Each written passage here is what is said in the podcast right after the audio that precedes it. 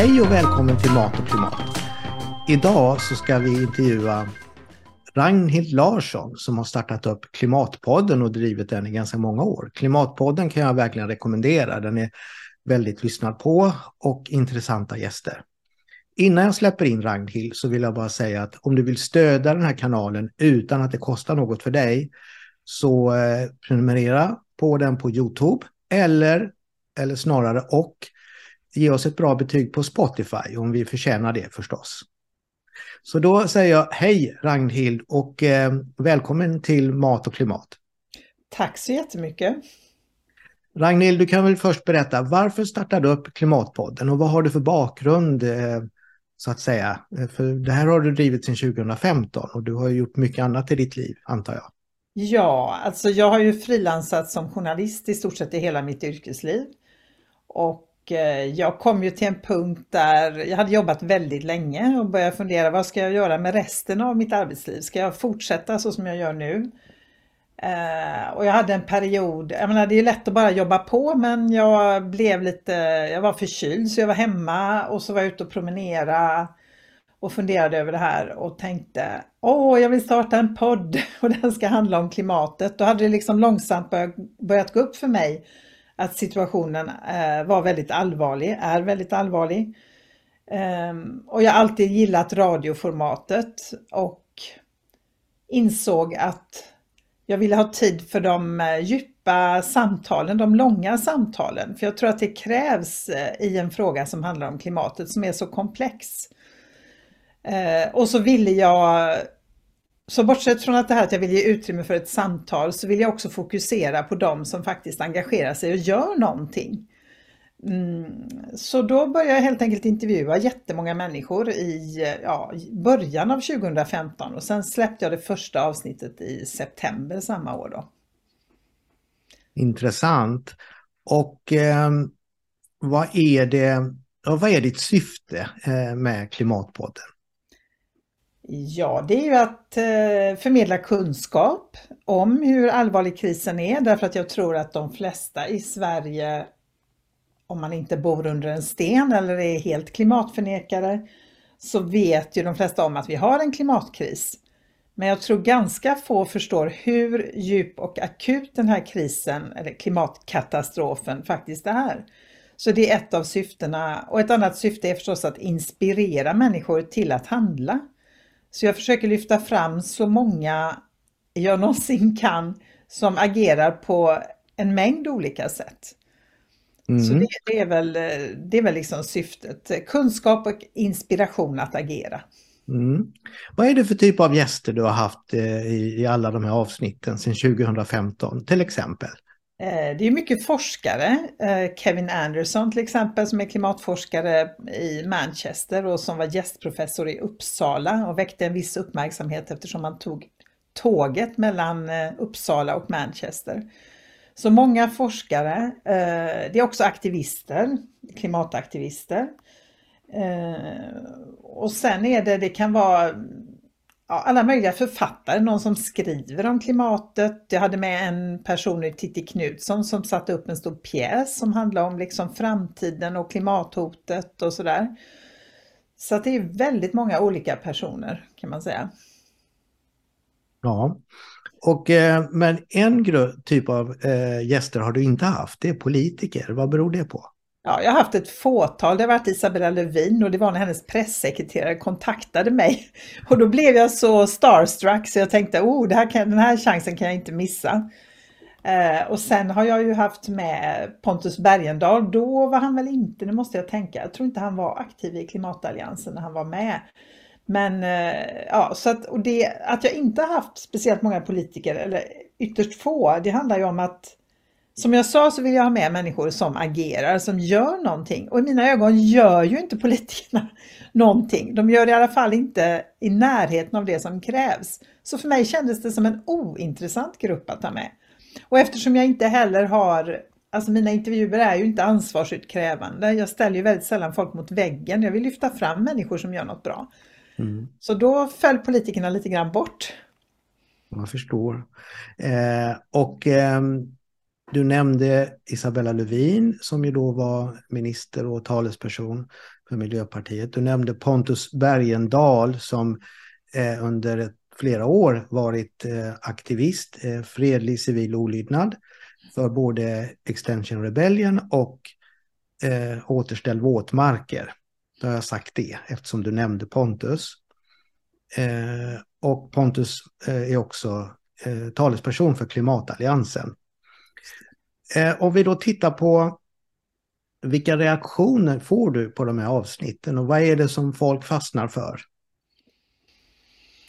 Ja, alltså jag, jag tror aldrig jag har fått så mycket positiva reaktioner på någonting jag har gjort som journalist eh, under mitt yrkesliv. Så det är ju väldigt, väldigt roligt att eh, få små meddelanden eller stöta på folk som eh, som säger Åh, är det du som gör podden? Och jag har lyssnat på nästan alla avsnitt. Det är ju fantastiskt roligt. Mm. Jag har mm. också stött på människor som säger att jag har engagerat mig i klimatrörelsen för att jag lyssnar på din podd. Mm. Och då känns det väldigt meningsfullt. Eh, och jag tror, för det jag försöker göra är ju att Ja, ta klimataktivister eh, så är det ju, alltså människor har en väldigt så här, vad ska vi säga, har nog väldigt många bilder i huvudet av vad en klimataktivist är och jag försöker ju lyfta fram människan bakom den här aktivisten. Eh, ja, du, vad var frågan nu? Du frågade vad jag får för reaktioner. Jo, men så att jag menar det är väl jag skulle säga 99% positivt. Jag får ju väldigt sällan eh, där någon enstaka gång har någon skrivit på sociala medier sådär, åh det där är ju bara fake news det jag håller på och sådär. Men det är faktiskt förvånansvärt lite ändå. Det är väl för att jag lever i min lilla bubbla antagligen. Jag når mest ut till de som är klimatengagerade. Ja, och att eh, påverka människor att engagera sig skulle jag vilja säga är ett eh, minst lika gott syfte som att nå människor som inte kan den här frågan så bra. För att eh, utav alla de människor som är oroliga för vad som händer ute i, i världen och i Sverige, så de flesta är ju inte aktiva på något sätt. Utan kan man få en större andel att bli aktiva och engagera sig på något sätt, i någon frivillig organisation eller som skriva insändare väldigt aktivt eller bli aktiv i något politiskt parti och driva frågan där, så har man ju vunnit jättemycket. Så att eh, vill gärna säga att det är en väldigt viktig funktion som det har. Men man, man slås ju också av hur låg kunskapen är ändå hos väldigt många människor. Man tror att det här handlar om 30-40 år framåt som liksom det här kommer att vara ett problem. Mm. Men så är det ju inte. Nej, verkligen inte. Eh, och jag tänker att vi är ju väldigt bra på att förtränga och blunda och för obehagliga sanningar och att vi också har väldigt fullt upp med våra liv. Jag tänker att de flesta människor jobbar väldigt mycket, så kanske de har ett par barn och som eh, behöver omsorg och uppmärksamhet. Det gör att det är väldigt lätt att fortsätta med business as usual och det är ingen som säger att man gör fel när man fortsätter med allt som vanligt, tvärtom. Det är ju människor som säger stopp och belägg, eh, klimataktivister och andra, som blir liksom eh, straffade och utsatta för att de protesterar. så att det är ju väldigt, eh, vad ska jag säga, det är, liksom, det är så många incitament för att fortsätta och agera precis som förut. Liksom. Om jag fortsätter, om, om jag skulle liksom åka till Thailand en gång om året eller ja, vad det nu kan vara, eh, så är det ingen som protesterar och säger att nej men det där var fel. Jo, möjligtvis ett fåtal då, människor som är engagerade i klimatet, men det är snarare så att det liksom uppmuntras därför att det tillhör det vanliga att göra det.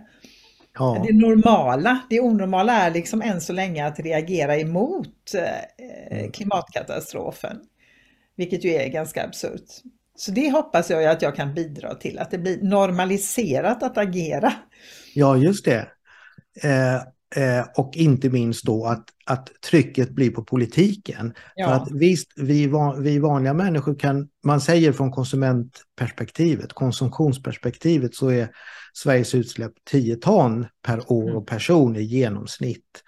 Och, eh, men det är bara mellan 4 och 5 ton som är, görs här i Sverige genom byggnader som värms upp, elektricitet, eh, eh, naturligtvis alla transporter eh, och fabriker och så vidare.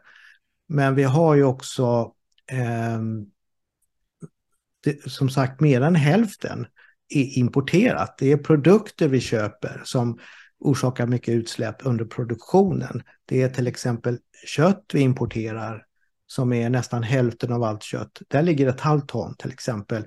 Ett halvt ton ligger på det inhemskt producerade på ett ungefär. Eh, ett ton ligger på bilismen i Sverige som är då ett ton av tio. Vi pratar mycket om det och det är jättebra men det blir väldigt lite fokus på de här andra delarna. Ehm, och eh, det ser jag som ett, ett problem. Och kan man få mer människor att bli aktivister på något sätt, och då menar jag aktiv i, i form av att man är aktiv i en organisation eller ett parti eller bildar en grupp och agerar tillsammans för att lyfta den här frågan. Mm. Ja, aktivist betyder ju egentligen att vara en aktiv medborgare. Ja. Så det, det är det vi behöver bli. Jag tror att vi har liksom glömt bort Eh, att vara aktiva. Vi tror att, eh, eller många, många verkar tro att det räcker att gå och rösta vart fjärde år och det är uppenbart att det inte räcker och vi kan inte överlåta den här frågan till de nuvarande politikerna för att de agerar ju inte i närheten av vad som krävs. Så därför tror jag att det är så extremt viktigt att, jag menar jag som är uppvuxen på 60 och 70-talet, jag har fått så mycket rättigheter, de har liksom bara kommit till mig. Andra har kämpat för dem före mig. Så att vi har liksom haft det väldigt, väldigt bra och det är precis som att vi har glömt bort hur fick vi de här rättigheterna? Ja, någon har ju kämpat för att vi ska få dem och vi måste liksom tillbaka till det och inte bara sitta och vara, men vi är så individualistiska vi är ovana vid att agera tillsammans. Eh, så att det behöver vi liksom lära oss igen, tänker jag. Det tycker jag är en jättebra eh, historiebeskrivning för att det är så, man tar det för givet att alla de här rättigheterna som handlar om demokrati, rösträtt, olika typer av politiska reformer har det försiggått ofta av stor politisk press utifrån. Eh, vad som är speciellt med klimatfrågan är ju att det är en fördröjning hela tiden. Så att de utsläpp av koldioxid som görs nu börjar inte påverka klimatet förrän om 5-10 år. Eh, och det innebär att även om vi skulle sluta släppa ut växthusgaser idag, vilket naturligtvis inte går, men om det, så skulle vi inte märka det förrän eh, 10 år kanske. Så att vi ackumulerar växthusgaser i atmosfären hela tiden och det det som gör mig orolig, att det är den här fördröjningen som gör att väldigt många människor inte förstår att när det är riktigt illa, då har vi redan gått alldeles för långt eftersom det är en fördröjning av den globala uppvärmningen efter, utifrån hur mycket utsläpp som görs. Ja, verkligen. Så att eh, eh, jag tycker att din, eh, jag vill verkligen rekommendera eh, eh, Klimatpodden. Och eh, du kan väl berätta hur man hittar den? Eh, ja, den finns ju överallt där poddar finns. Ja. På Soundcloud och på Spotify och ja, överallt helt Apple enkelt. Podcast. Ja, och eh, jag har en hemsida som heter klimatpodden.se eh, där man också kan ladda ner eller lyssna på avsnitten. Så att ja, mm. den går att hitta överallt om man googlar på Klimatpodden. Helt mm. enkelt. Mm. Så ni går in på Apple Podcast eller Spotify eller Soundcloud. Egentligen alla plattformar som har podcasts. Den här podcasten till exempel, den finns också på en indisk plattform som samarbetar med de andra plattformarna. Så att eh, Spännande. leta upp eh, Klimatpodden. Ni kan ladda ner avsnitt och lyssna på när ni är ute och promenerar. Och som sagt, Eh, kan du säga eh, adressen till hemsidan en gång till? Det är klimatpodden.se. Mm. Klimatpodden.se. Jag kommer själv nu mer aktivt börja lyssna på den här avsnitten och eh, jag tackar dig Ragnhild för ett väldigt eh, intressant samtal. Tack så jättemycket för att jag fick vara med.